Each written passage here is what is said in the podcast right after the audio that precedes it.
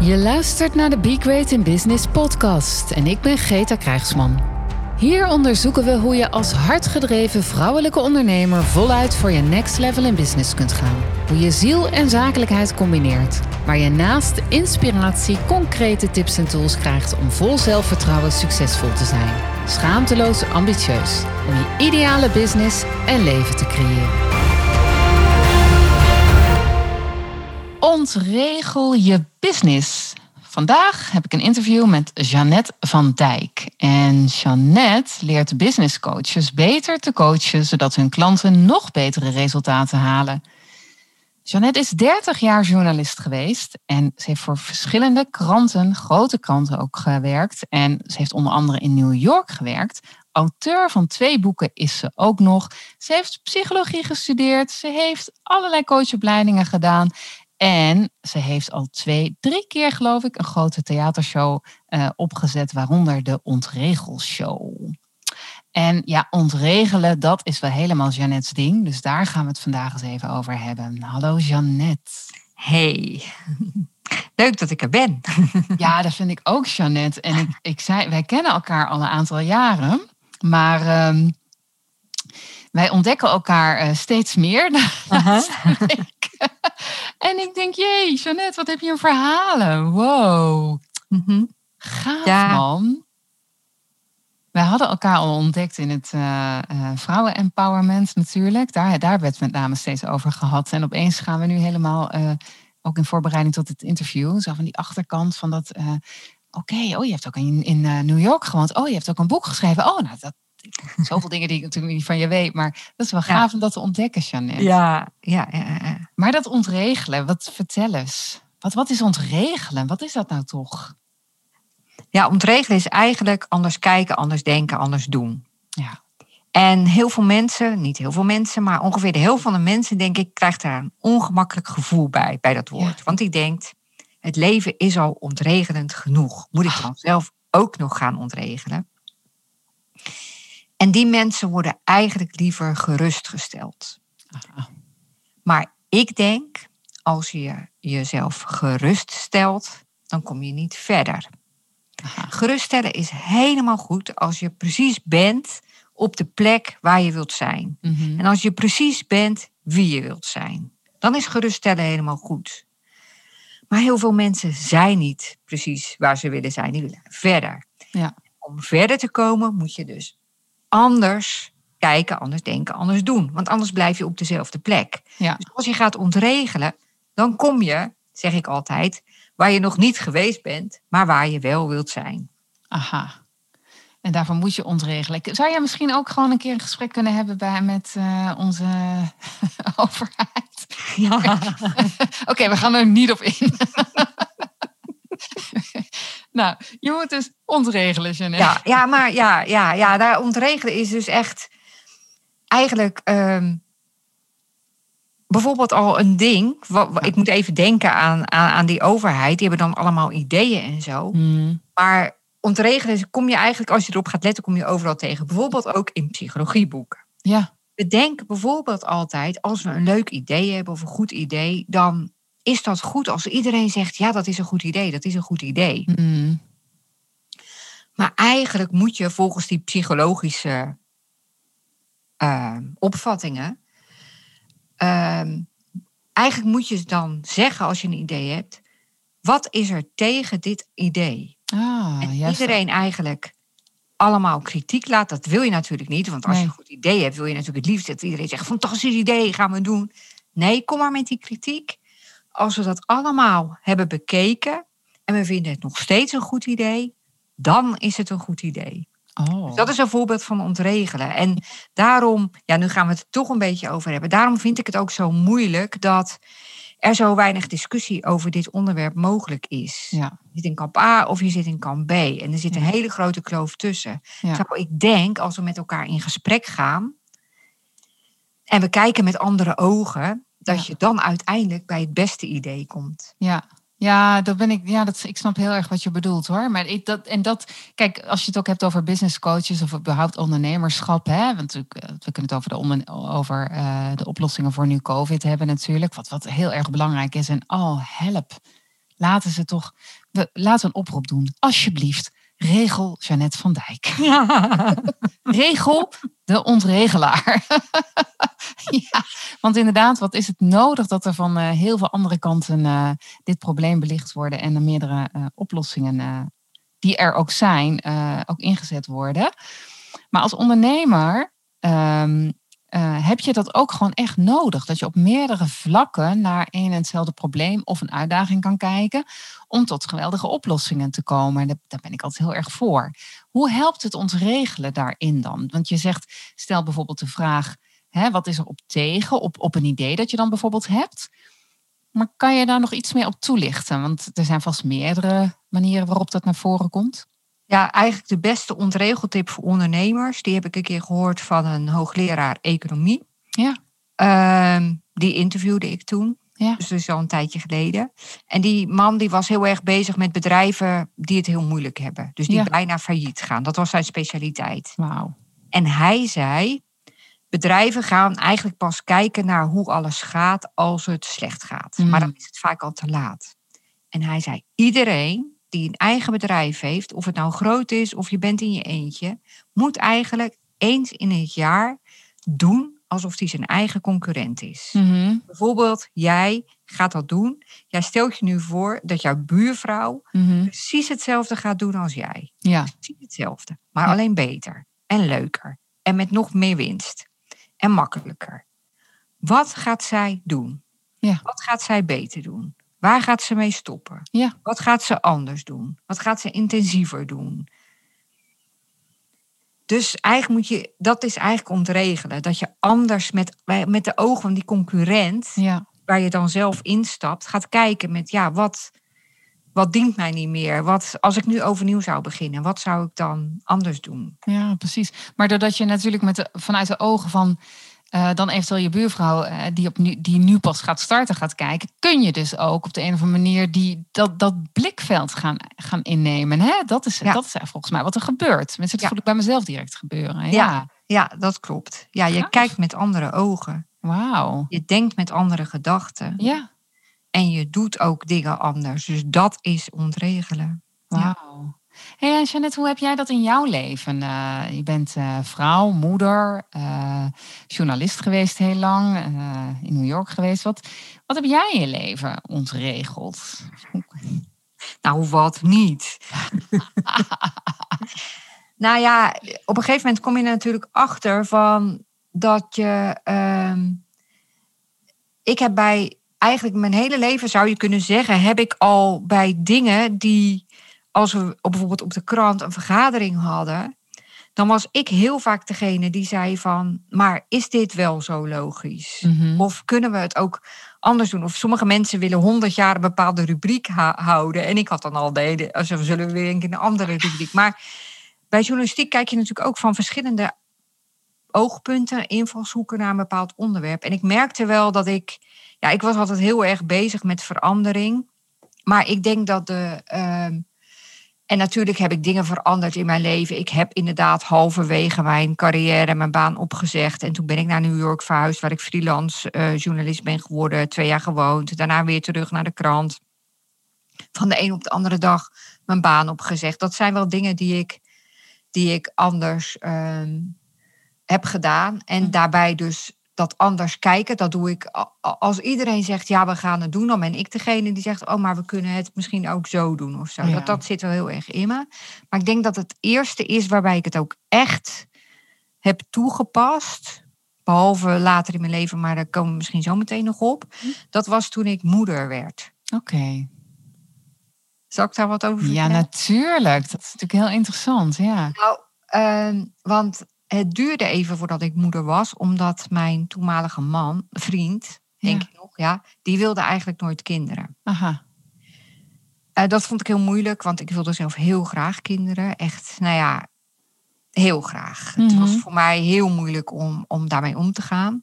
Maar ja, ik dacht ook van, ja, ik kan hem ook niet verplichten om, om vader te worden. Ik zal nooit iemand vader laten worden als hij daar niet achter staat. Om, nou ja, dat soort dingen. Mhm. Dus ik dacht, ja, wat moet ik daarmee? Nou, op een dag wilde hij wel kinderen. Mhm. En toen was ik mijn eerste kind eh, kwam toen ik bijna 37 was en de ander toen ik bijna 39 was. En ondertussen was natuurlijk mijn hele omgeving had bijna al kinderen gekregen. Mhm. Dus ik had. En ik was daar heel erg uh, nou, door geobsedeerd bijna. Maar ik, ik keek daar heel van naar. En wat ik zag gebeuren is dat ik iedereen was altijd heel blij op het moment dat hij zwanger was. Mhm. Nou, dan, dan, dan was het leven roze geur en maneschijn. En iedereen was zo blij. En, en daarna zag ik iets heel anders gebeuren. Ja. Heel veel moeders vooral raakten zichzelf kwijt. Het ging alleen nog maar over het kind. Dat zie je dan vooral als je zelf nog geen moeder bent. Ja. Uh, slapeloze nachten, moe, uh, ontevreden, want ze moesten al die ballen omhoog houden. Moeite om werk en privé te combineren. Um, ge, ze veranderden ook in hun vriendschappen, omdat hun kind zo belangrijk werd. Wat ik natuurlijk, ik kon daar niks over zeggen, wat zij wilde. Maar ik dacht, ik ga dat anders doen. Ik wil niet gebeuren. Ja, precies. Ja. maar negen maanden op zo'n uh, roze wolk zitten. En Ja. ik heb het denk ik ook echt anders gedaan. Mhm. Want wat heb je, want, want je zegt, want je noemde dit als voorbeeld van het, ja, wat heb je ontregeld? En zei je, wanneer ik het echt voor jouw gevoel, hè, voor jou, voor jouw gevoel dat je echt bent gaan onregelen, was toen je zelf kinderen kreeg. Wat ben je dan anders gaan doen? Ja, nou, ik heb mezelf gewoon niet weggecijferd, maar op de eerste plaats gezet. Okay. Vanuit de echte overtuiging dat je een betere moeder bent als je eerst goed voor jezelf zorgt. Ja. Ja, dat klinkt niet als hogere wiskunde, maar Ja. het klinkt heel logisch en als een enorm cliché. Maar heel veel vrouwen doen dat natuurlijk niet. Nee, dat zag jij wel, ja. En ik wilde blijven werken, dus in het begin werkte ik nog vijf dagen. Daarna heb ik altijd vier dagen gewerkt. En ik dacht, ik ga daar verder niet over klagen dat ik dat allemaal zo zwaar ben. Mhm. Want als ik in de jaren 50 had geleefd, Mhm. dan had ik de hele dag aardappelen staan schillen en voor het raam staan kijken tot mijn man thuis kwam. En dan moest ik zijn pantoffels klaarzetten en dan ging hij vertellen hoe leuk zijn dag was en dan ging hij mijn aardappelen opeten. Ja. Nou, dat leek mij zo vreselijk en ik was Ja. zo blij en zo dankbaar dat ik dat leven niet hoefde te hebben. Ja. Ik dacht, ik ga geen seconde klagen over die combinatie daarvan. Nee. Ik ga het gewoon doen. En ik zal best wel eens een keer geklaagd hebben. En ik zal ook wel eens een keer moe gewe- geweest zijn. Maar ik dacht, ik, ik ga gewoon niet zo'n zo'n moeder En ik dacht, ik ga ook niet een moeder worden die alleen maar op de kinderen gefixeerd is. Ja. Mijn beste vriendinnen hadden zelf geen kinderen. Dus daar bleef ik ook gewoon vriendinnen mee.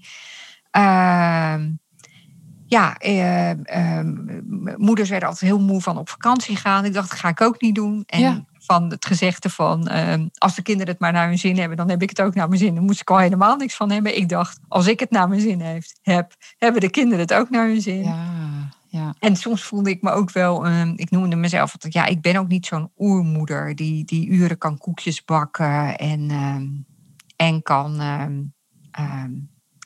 kleien en zo. Dat was ik ook Ik vind dat ook zo, weet je, als je dan zegt, ja, dat, dat, dat, daar moet ik toch iets van zeggen. Is dat dan de oermoeder? Daar geloof ik namelijk helemaal niks van. Welke oermoeder gaat een uur koekjes bakken? Ja, Welke moeder cijfert zichzelf helemaal? Dat klopt al helemaal niet, het hele beeld. Maar dat Ja. is dan de regel, hè? Dat is wat jij...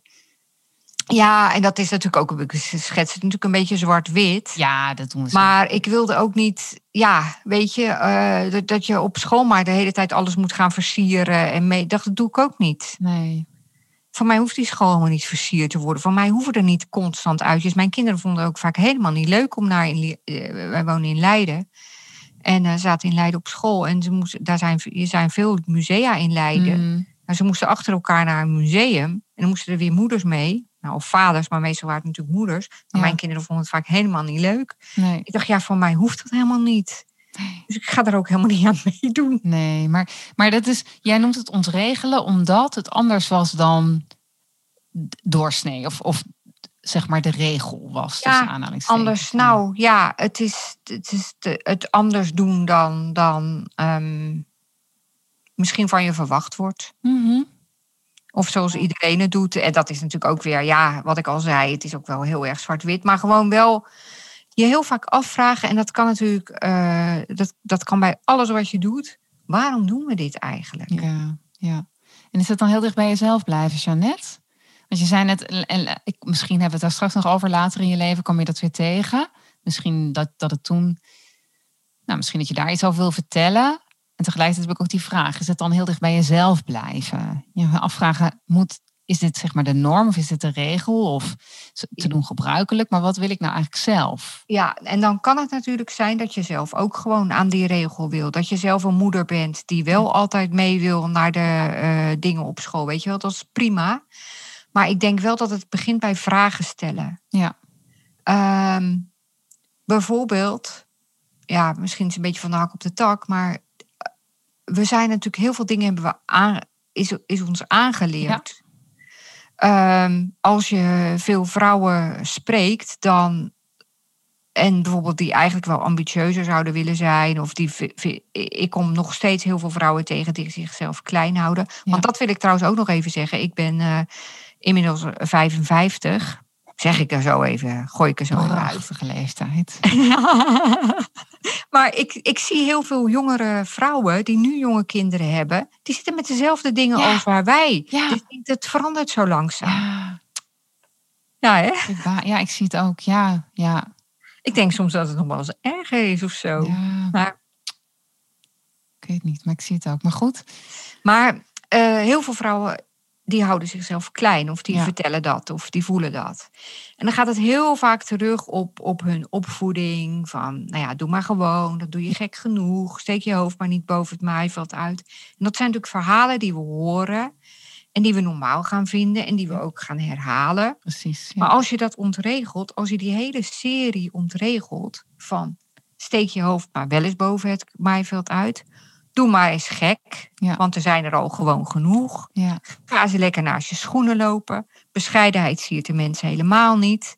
En dan moet je zo'n lijstje, lijstje, ik heb dat pas gedaan, zo'n zo'n rijtje met van die, van die uitspraken die ons zo gevormd hebben. En die dan omdraaien, ontregelen. En die dan hardop zeggen. Dan klinken ze ook heel normaal. Ja. Ja, precies. Ja, want ik vind het helemaal leuk. Want bescheidenheid zie je de mensen helemaal niet. Die nee, want dat, dat is een, kijk, weet je, we zijn zo. Bescheidenheid siert de mensen. Nou, bescheidenheid siert de mens. Weet je, je voelt al helemaal, ja, dat is fijn. Ja. En waarom komt dat? Omdat we denk ik een hekel hebben aan arrogantie. Mhm. Dus we willen niet arrogantie, zijn, zijn we maar bescheiden. Maar arrogantie, dat is eigenlijk een beetje boven jezelf uitstijgen. Ja. Dus dat is dan oneerlijk. Maar bescheiden zijn, dan ben je eigenlijk ook niet jezelf. Nee. En ben je eigenlijk ook niet eerlijk. Want dan hou je jezelf, doe je jezelf minder. Ja. Minder voor als je bent. Of je houdt jezelf tegen. Dat is ook niet eerlijk. Dus waarom siert dat de mens? Dat ziet de mens net zo goed als we enorm opscheppen. Dus doe maar gewoon.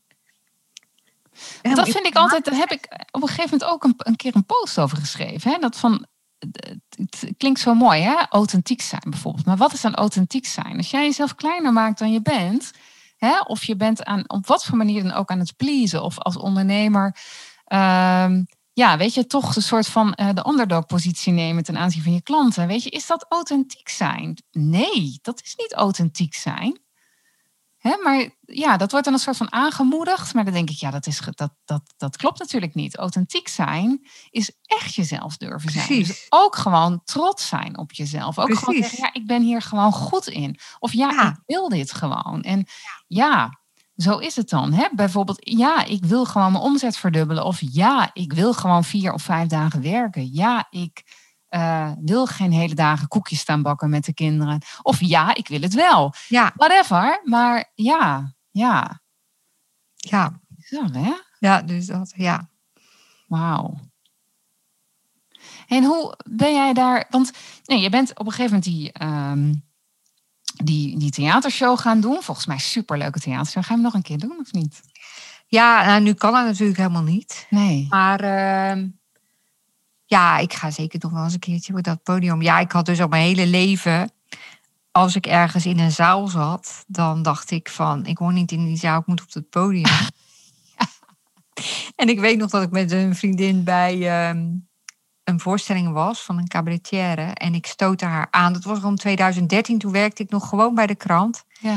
En uh, ik stootte haar aan en ik fluisterde zo van, uh, we vonden het allebei niet zo heel grappig. Ik zei, dit kan ik toch beter? En toen zei ze, ja, dit kan jij beter. En toen dacht ik, en nu ga ik het doen. En toen heb ik een theater gehuurd. En toen heb ik mijn beste vriendinnen gevraagd van, uh, kunnen jullie dan? Het was op 3 september geloof ik, zaterdag. Het was ergens aan het begin van de zomer. En uh, ze zei, ja, we kunnen dan. En, ze, en eentje zei, ga je trouwen? Ik ging helemaal niet trouwen, maar die had ook... En toen was het nog drie maanden, geloof ik. En toen heb ik die theatershow gemaakt. En mijn vriend, want inmiddels had ik toen een vriend. En die werd helemaal zenuwachtig, omdat ik na zes weken... Nee, het was 2011. Ja, omdat ik na zes weken nog maar twintig minuten tekst had. Maar ik dacht, nou, dat komt allemaal wel, weet je wel. Ja. En dat heb ik toen gedaan. En, en daarna, in 2018, heb ik het nog twee keer gedaan. En toen heb ik de grote ontregelshow gemaakt. Oh ja. En die heb ik gemaakt. Wil je dat? Zal ik dat vertellen? Absoluut. ja. Omdat uh, ik was dus uh, die coachopleidingen gaan doen. Mm -hmm. Twee achter elkaar, dus twee jaar. En daarna, daarvoor had ik nog... Uh, dit waren algemene coachopleidingen. En had ik nog uh, geweldloze communicatie, een voice dialogue en weet ik veel wat. Dus ik zat er helemaal in. En ik kwam uit de krantenwereld. En dat is best wel een, laten we zeggen, nuchtere wereld. Oh ja. Er wordt heel weinig gedaan aan, aan persoonlijke ontwikkeling. En coaching en zo, dat vinden de meeste mensen maar gek. Eigenlijk ga je alleen naar een coach voordat je bijna wordt ontslagen. Weet je, als een soort raad, laatste redmiddel. Helemaal niet om, om te groeien of om jezelf te ontwikkelen, maar meer om te voorkomen dat het helemaal verkeerd afloopt. Wordt heel, wordt heel snel gezegd, het is allemaal zweverig en zweverig is niet goed. Nou ja, ik overdrijf ook dit weer een beetje, maar het is gewoon zo'n masculine energiewereld. Ja. Dus ik ging die coachopleiding gaan doen. En ik, ik, en ik was ook lang leidinggevende geweest. Maar je wordt dan ook niet echt opgeleid als lang leidinggevende of zo. Je doet eigenlijk maar een beetje. Je, je wordt dan eigenlijk leidinggevende omdat je een goede journalist bent. En je doet maar een beetje na van mensen die ja. jij zelf goed vond. Weet je wel. zoveel andere rolmodellen nodig. Dus wat ja. goed dat hier een rolmodel tegenover mij ja. zit. maar goed, bij die coachopleidingen leer je natuurlijk coachen, maar daar leer je zelf ook enorm van. Want alles wat jij, waarmee jij anderen helpt, help jezelf ook. Al die Absoluut. oefeningen doe je zelf ook. Ja. Dus ik had zoveel praktische tools ook gekregen om, om dingen anders te doen. Mm -hmm. Dat ik dacht, ja, ik werd toen coach, dus ik begon met één op één coaching en zo. Maar ik dacht, de hele wereld moet dit weten. Ja. Dit zijn van die dingen die mensen niet weten, maar die helpen hun bij hun huistuin- en keukenproblemen. In, met gedoetjes in je relatie, met je kinderen, met je collega's, met vrienden. Weet je, er zijn zulke tools. Ik wist helemaal niet dat ze bestonden. Ik gun het mensen dat ze dat weten. Dus toen heb ik daar heb ik een soort ja, een, een, een combinatie van een grappige, uh, grappig en heel uh, inspirerend, zou ik maar zeggen. En anders denken, want dat is natuurlijk dat ontregelen. Dus daar had ik dan zo'n voorstelling, lezing, ja. theatrale voor, lezing van gemaakt. Dus ja, zo, zo heb ik dat gedaan. Maar dat was dus de achterliggende gedachte van... ik heb zoveel geleerd tijdens die opleidingen... en ik gun mensen zo om dit ook te weten... En toen dacht je, dat doe ik in een theatershow, want dan kan je gewoon heel veel mensen tegelijk. Eén ja. op één coach bijvoorbeeld. Dat, ja, goed, heel effectief. Ja. Maar jij dacht, ik wil een grote groep tegelijk uh, bereiken. Ja. Dus laat ik het in een. Uh, was dat de reden waarom het in een theatershow moest? Nou ja, dat was natuurlijk ook omdat ik om te graag op het podium sta. Ja, oh ja, natuurlijk. dus je, ja, mooi. Mooi dat je die vorm ervan maakte. Maar dat is, weet je, ik vind dat dus ook wel weer een mooi voorbeeld van ontregelen. Ja. Dat je gewoon, weet je, het geëikte zou misschien zijn, nou oké, okay, ik ga mensen coachen. één op één, weet je, uurtje, factuurtje, noem maar op. Maar jij ging gewoon een grote theatershow maken. Hoe Ja. cool is dat? Ja. Op zich al een enorm ontregelvoorbeeld. Ja. Wow. Ja. Ja, Maar, en, dat, en je had gewoon een, een theater gehuurd. Je had vol. eh vol Ja. Dus Ja. enorm succes. ja, ja, Wauw. ja. Ja, en er gebeurden ook mooie dingen, want ehm, ik vroeg aan het eind ook van, eh, nou neem je nu voor om iets, iets te doen wat je nog nooit hebt gedaan of zo, weet je Ja. wel? En later hoorde ik eh, van een vriendin die weer iemand kende die daar ook was geweest. En die kende ook de moeder daarvan. Ja, het is een beetje een ingewikkeld verhaal.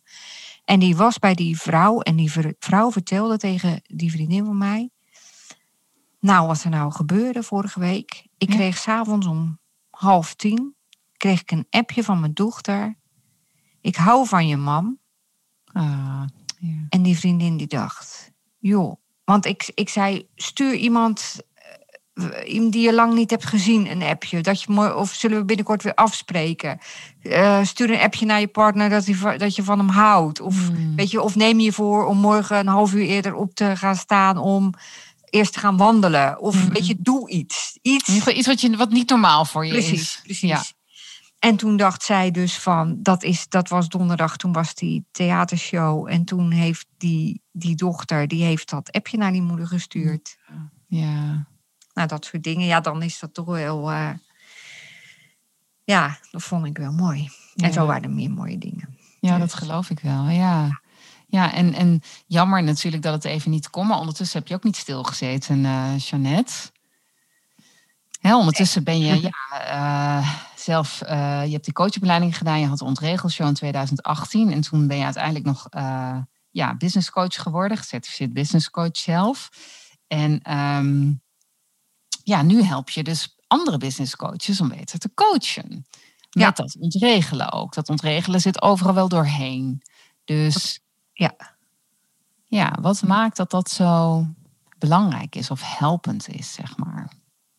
Het ontregelen of het beter leren coachen? Ja, nou, misschien ja, beide eigenlijk wel. Ja.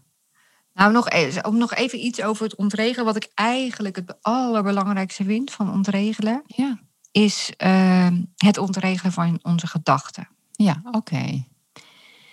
Want ja, we leiden, laten ons natuurlijk heel vaak leiden door onze gedachten, maar eh 95% van onze gedachten komt steeds terug en heel veel procent van onze gedachten zijn negatief. Mhm. Aan het begin van die show deed ik ook elastiekjes uit. En die eh, moeten mensen dan omdoen. En dan elke keer als ze een negatieve gedachte hebben, een elastiekje tegen hun pols laten Oh, echt halen. waar? Oh, sadist. Je... Maar dan moet je ze uitproberen. Oh, Moet je het uitproberen. echt. Heb ik hier een elastiekje en heb ik een doen? Zullen we het gewoon gaan doen? Let op. Ik ga mijn elastiekje uitdoen. Tadadada. We hebben geen beeld, hè? Maar ik doe het echt. Kijk. Ja. Nee, dat is dan zo'n, zo'n je hebt een haarelastiekje, maar als je zo'n Ja, eh, pijn. Ja. dan krijg je echt een blauwe pols aan het eind van de dag. Maar het Nou, is je ongelooflijk hoe vaak en hoe erg we onze gedachten geloven. Eckhart Tolle zegt dat ook. Je moet niet alles geloven wat je denkt. Nee. Maar dat, vond ik, dat vind ik, vond en vind ik zo waardevol. Omdat alles wat we denken, wat zal die ervan zeggen? Ja, ik doe dat maar niet, want het mislukt misschien wel. Ik kan dat beter niet doen, want ach, het is nu toch ook goed. Ehm, ik blijf maar thuis, want... Ja. eh, ik durf deze stap niet te zetten, want ik, of deze investering niet te doen. Want als het niet goed uitpakt, we zijn zo... Ons ego houdt ons natuurlijk veilig Ja. die, wil- die willen ons op de plek houden waar we zijn. Andere mensen vaak ook. Ja. wij zelf ook. En als je op het moment dat je jezelf los kan zien van die gedachten van angst, van weerstand, van zelfs van boosheid en zo. Ja, anders kijken naar je gedachten, niet al je gedachten geloven, dat helpt je zo enorm. Ja. Is het waar? Dat, dat zijn woorden van Byron Katie. Van alles wat je denkt, ook over anderen, ook als je ruzie hebt, is het waar? Ja. Ja, dan blijkt heel vaak, kun je 100% zeker weten dat het waar, waar is. Wat levert deze gedachte je op? En wie zou je zijn zonder deze gedachte? Nou, dat zijn zulke krachtige dingen in je gewone leven. Hè? Ja. Hoef je helemaal niet iets van business coach of zo voor te zijn. Maar de andere vraag. eh, ja, heel veel mensen zijn natuurlijk business coach geworden terwijl ze een ergens anders omdat ze bijvoorbeeld heel goed zijn in een bedrijf opbouwen, in sales, in marketing, in you name it. Maar ze hebben niet een echte coach, een coachopleiding gedaan. En nou is zo'n coachopleiding ehm, ook niet heilig of zo. Maar coachen is wel een vak, denk ik. Ja. En daar ga je toch tegenaan lopen. Want als je dat, als je die, die, die, die een, een, een, een, grotere rugzak of koffer hebt met tools en oefeningen en, en methodes die je in Mhm. kan zetten, dan kan je klant nog grotere resultaten halen dan nu. Ja.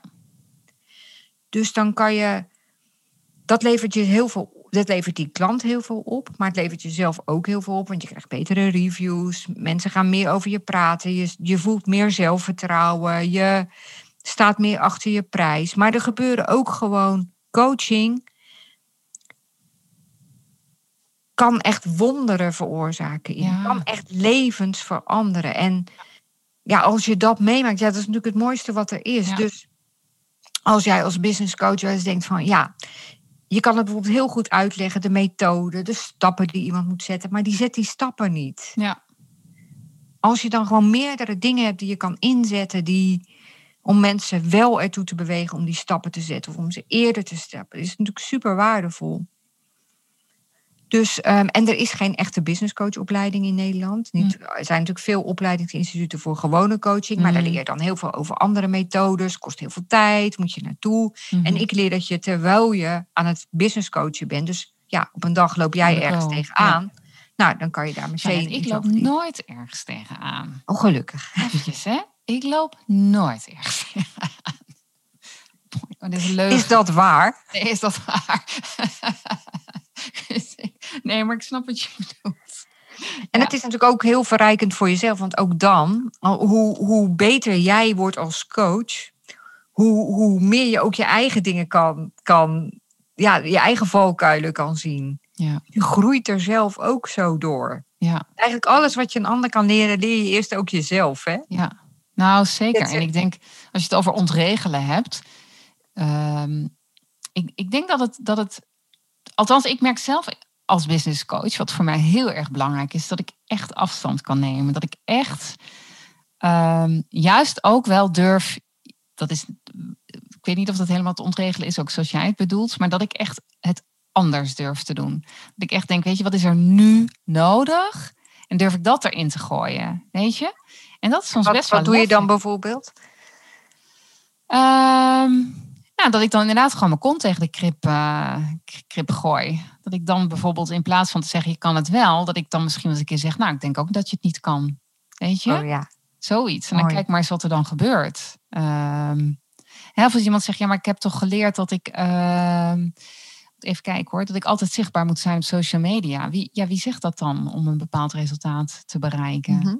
Of ja, hoe doe jij dat dan? Weet je, ja, maar hoe ik het doe, of de stappen die ik beloop, zijn niet altijd eh, helpend voor de ander als ondernemer.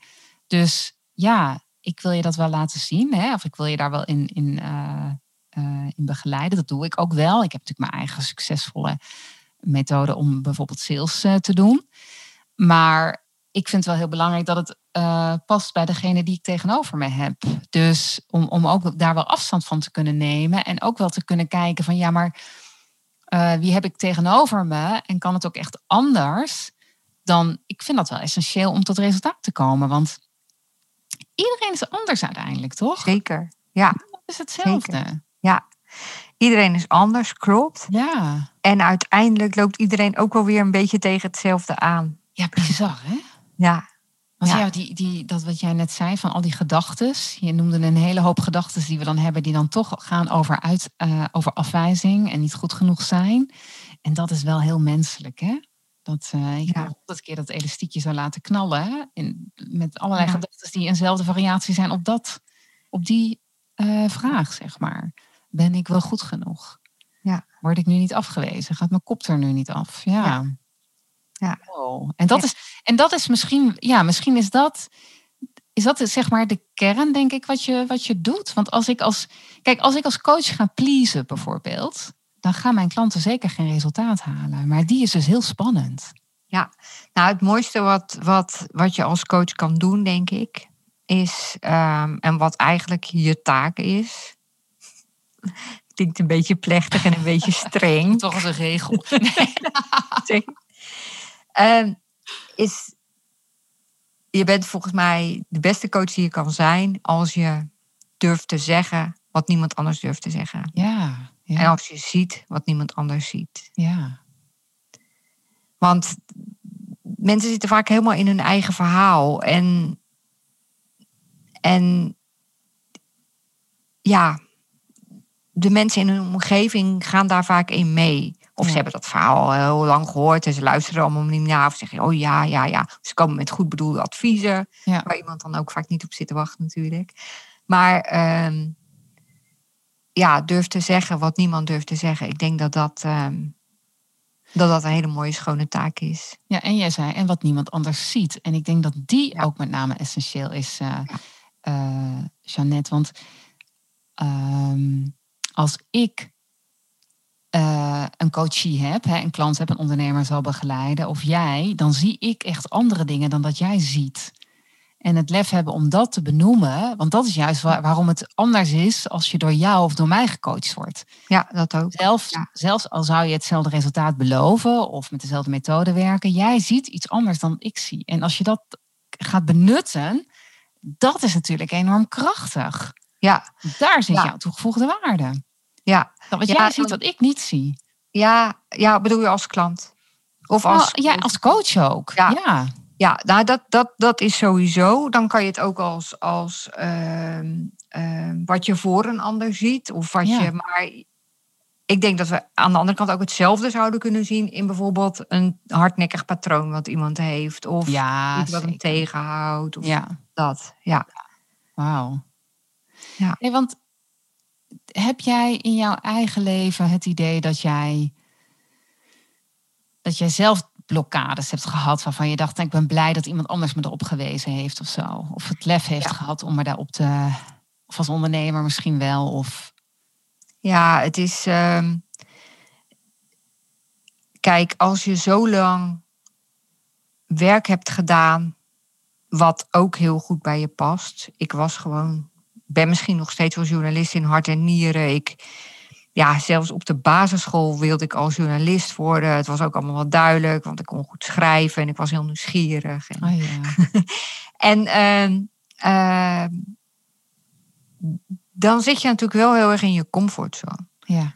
En ik werd er ook gewaardeerd. Ik, ik, ik, ik, kreeg altijd banen aangeboden. Ik, ik was eigenlijk altijd, ja, maar ik deed het ook wel een beetje achteruitlopend en met mijn ogen dicht. Dus ah. dat bedoel ik met de comfortzone.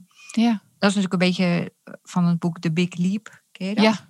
ja. Nou, dan zit je in je zone of excellence. Iets wat je heel goed kan. Wat iedereen uh, ook uh, wel ziet aan je. En toen wilde ik dus eigenlijk... Ik dacht, ik wil nog iets anders doen in mijn leven. Want de pensioenleeftijd werd ook steeds hoger. Dus ik dacht, ja, moet ik dit nou nog twintig jaar gaan doen? Ik heb het allemaal gezien. Ik, ik ben er eigenlijk wel een beetje klaar mee. Dus ik, zeg, ik ging mijn baan opzeggen en ik had eigenlijk geen plan. Ik, ging, ik wilde dat boek gaan schrijven en een psychologie gaan doen, maar goed. En toen heb ik denk ik wel een soort sprong naar mijn uh, Zone of Genius gemaakt. Ja. Alleen, dat is natuurlijk niet voor niks een big leap. Dat is een sprong. En ineens voelde ik me heel klein. En ik zat op die coachopleiding en ik was altijd een van de oudste. En, die, en, en, en, die, en waar zaten van die meiden en die hadden tien jaar dan bij een uh, corporate business gewerkt. En die waren dan weet ik veel wat. En ik zei dan, ja, ik was chef van een redactie, zo heette dat bij de krant. Maar de krant was ook beursgenoteerd. Maar ik ging, profileerde me helemaal niet zo. Want ik kwam niet uit zo'n wereld waarin je dat, waarin dat heel gewoon was. taal, ja. Maar ik sprak een andere taal. En ik, ik voelde me een enorme beginner. En ik, ik, ik, ik had ook natuurlijk die zelfontwikkeling. Dat was ook allemaal een beetje, dat is bij moderne bedrijven natuurlijk ook. Dus ik, ik heb me heel lang klein gehouden en klein gevoeld. Ja, dat, dat, dat, en dat, dat had ik nog nooit meegemaakt. Oké. Want ik wist gewoon altijd wel goed wat ik wilde. En ik kon het allemaal heel goed. En niet dat ik niet goed kon coachen, maar ik durfde denk ik ook niet zo goed. En dan moet je ook nog ondernemer worden. Ja, poeh. Nou. Staan helemaal, vond ik ook zo gek. Dacht ik, waarom staan ze niet in rijen van tien voor de deur? Ik heb zoveel te bieden. Ja. Weet je wel? En toen, wat heb je gedaan? Wat heeft je geholpen? Nou ja, ik heb, ik heb heel veel hulp ingeroepen. Allemaal business coaches en coaches en weet ik veel wat. Om daar. Uh... En ik denk ook dat. Uh... Kijk, tijd helpt ook. Mm-hmm. En dat is eigenlijk gek. Maar, maar dingen hebben ook wel tijd nodig. Mm-hmm. En dat heb ik wel geleerd. Dus eh, journalistiek is natuurlijk ook snel. Ja. En ik was gewoon van, weet je, zo'n theatershow, huppatee, theaterhuren doen. Ja. Boek schrijven, plan maken, doen. Um, dat was een beetje hoe ik leefde. Ja. En bij dit was het niet van, oké, okay, doen. En het is meteen succesvol. Dat is gewoon niet waar. Dat is bij mij, dat is mij niet gelukt. Nee. Bij dit, dat, met dit bedoel je ondernemerschap? Ondernemerschap. Ja. Ja. En dat frustreerde me ook. Maar ik denk nu van, het, het heeft gewoon tijd nodig gehad om ook te rijpen. Ja. Zoals ja, grond ook tijd nodig heeft om, om, om Ik heb mijn eigen weg moeten zoeken. Ik heb moeten zoeken wat ik echt wilde, wat bij me paste, waar ik blij van werd, om het anders te doen dan anderen. En ondertussen was, heb ik natuurlijk ook allemaal hele leuke dingen gedaan. Ja. Dat, ik heb helemaal niet stilgezeten of zo, want ik heb gewoon veel verschillende, ook daarin veel verschillende, zelfs ook nog lezingen geschreven voor andere mensen. Ja. Wat ik ook leuk vond. Maar ehm, ja, dus ik heb me klein gehouden, ja. Zeker. Ja, het was ja. waar, je, waar je wilde zijn. En, en nu hou je je niet meer klein, Jeannette? oh. Ga jij eens even met dat elastiekje knallen? Ja, oké. Okay, Voor jou voor Deze negatieve vraag. ik loop nu naast mijn schoenen. Ik oh. blaas hoog van de toren. Ik steek mijn kop boven het maaiveld uit. Dat doe jij. Jij, hou jij je nog wel eens klein? Ik hou me zeker nog wel eens klein, ja. Wat ik laatst over mezelf heb ontdekt, dat vond ik wel mooi, hè? Ik weet, uh, dat ik dacht, ik sta namelijk zelf ook heel graag op het podium. Ik vind het echt heel leuk. Dat past me echt uh, als een jas. En dat uh, hoor ik ook wel eens van anderen. Zo van, zet me op het podium en ik ga wel. Ja. Um, uh, dus ben ik, dat, dat is ook geen angst voor mij of zo, om op dat podium te staan. Maar zelf mijn podium pakken, dat vind ik dus spannend. Daarin hou ik me wel klein. Dus, um, ja, dus de, ja, daarin hou ik me klein. Dat ik dan ergens, ja, om, om zelf zeg maar die positie uh, ergens te claimen of zo, dat, uh, ja, dan, dan hè, als je zegt wie, wie, wie moet er echt op dat podium staan, stel dat die vraag er nu zou komen in een groep met, uh, met mensen, dan zou ik niet de eerste zijn die de vinger opsteekt. Nee. Terwijl als je mij, hè, als jij die, in die groep zou zitten en je zou mij er neerzetten, dan denk ik, oké, nou, tuurlijk. Ja, ja, ja. Huppatee. Ja, je moet eigenlijk uitgenodigd worden. Ja, ja. Ja. Dat is op zich, ja, goed, wat doe je daar dan mee? Dus ik denk nu, oh, ik vind het wel een mooie, mooie um, constatering dat dat dus zo is. Ja. En ik ben natuurlijk, weet je, ik, ik, ik in die zin lijkt het een beetje op. Uh, ik merk dat wij allebei wel van die empoweraars zijn. Hè? Mm Van die uh, ruimdenkers, breeddenkers. Uh, um, een beetje uitdagend, vind ik Ontregelaars. wel. Regelaars. Um, dus ik heb de Schaamteloos Ambitieus Dag, hè, die ik dan dit ja. jaar voor het derde jaar doe. En dan, ja, ik, ik ik vind het zo, weet je, je ziet een ander zo bescheiden zijn. Dat je denkt, joh, pak dat podium. Het is zo belangrijk voor je werk, voor de missie die je hebt. En ja, en die heb ik zelf gewoon ook altijd.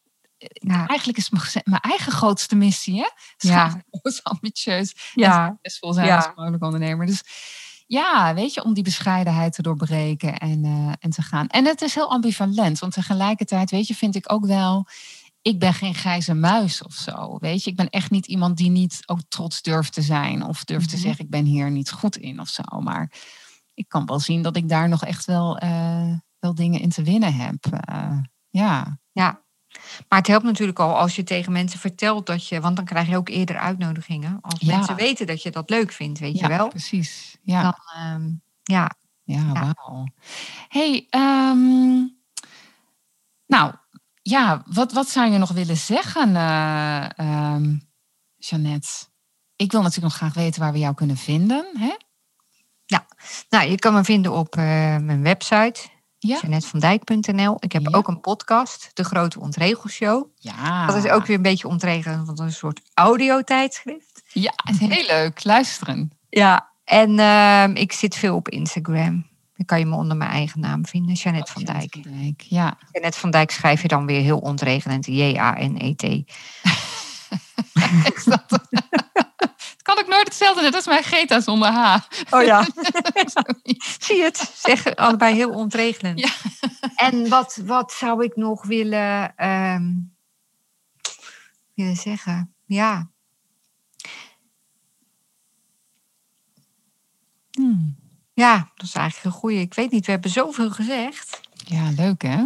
Ja, ja nee, ik zou het eigenlijk niet zo, uh, niet zo uh, weten. Nou, dank je wel natuurlijk. Ja, dat zou ik ook. willen zeggen. Dank je dat is ook wel een leuke ontregeltip. Nou, een klein leuk ontregeltipje. Ja. Is uh, in plaats van sorry, dank je. Ja, misschien zijn mensen me wel eens vaker tegengekomen. Maar geen sorry zeggen, maar dank je wel. Dus als je um, bijvoorbeeld um, te laat bent. Mm -hmm. Dat je dan niet zegt van sorry dat ik te laat was, maar dankjewel dat je op me hebt gewacht. Oh, wat een mooie. Ja, of dat uh, uh, ja, je partner, uh, je hebt katten gedaan tegen je partner, dat je niet zegt sorry dat ik zo kattig heb gedaan, maar dankjewel dat je zoveel geduld met me hebt of zo. Dat is echt heel, dat is heel, als je dat een dag doet, dan, dan heb je echt een heel andere dag dan je normaal hebt. En Oh, complimenten geven zijn natuurlijk heel erg. Ik heb wel eens gezegd, laten we, waarom zeggen we de groeten aan het eind van een brief of aan het eind van een mail of zo? Doe gewoon, je bent geweldig. ja. Complimenten, willen allemaal. We krijgen heel weinig complimenten. Hè? en We, complimenten zijn heel goed voor ons. Ja.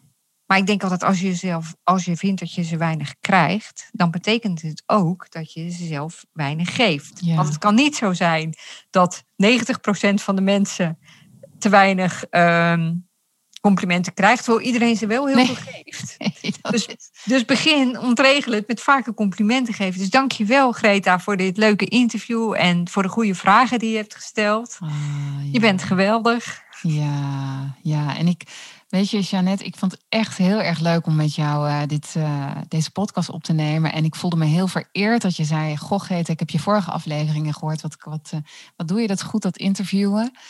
En ehm, ja, dat, dat, eh, ik vind dat heel mooi om dat ook van jou te horen als eh, journalist Ja. met 30 jaar. eh, Ja, ja, ja. dus Ja, dat dank je wel. Dank je wel. Ja, dank je wel Ja. dat je me dat compliment gaf. En ja, Jeannette, je bent geweldig. You are great. ja, Dank je wel. dank je wel. Jij ook. Dag, dag. Doeg.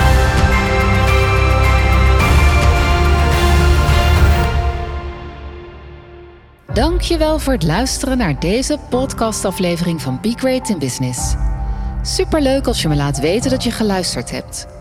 Dat kan door een review achter te laten hier waar je deze podcast gehoord hebt. Ik vind het ook fijn om van jou te horen hoe jij het vuur voor jouw business nog verder gaat verspreiden. Ik ben benieuwd naar jouw verhalen en jouw ambitie. Hoe jij schaamteloos ambitieus gaat zijn. Laat het me weten via Instagram of LinkedIn. Natuurlijk kun je ook mijn website bezoeken: begreatinbusiness.nl. Daar vind je nog meer informatie om next level te gaan met jouw business.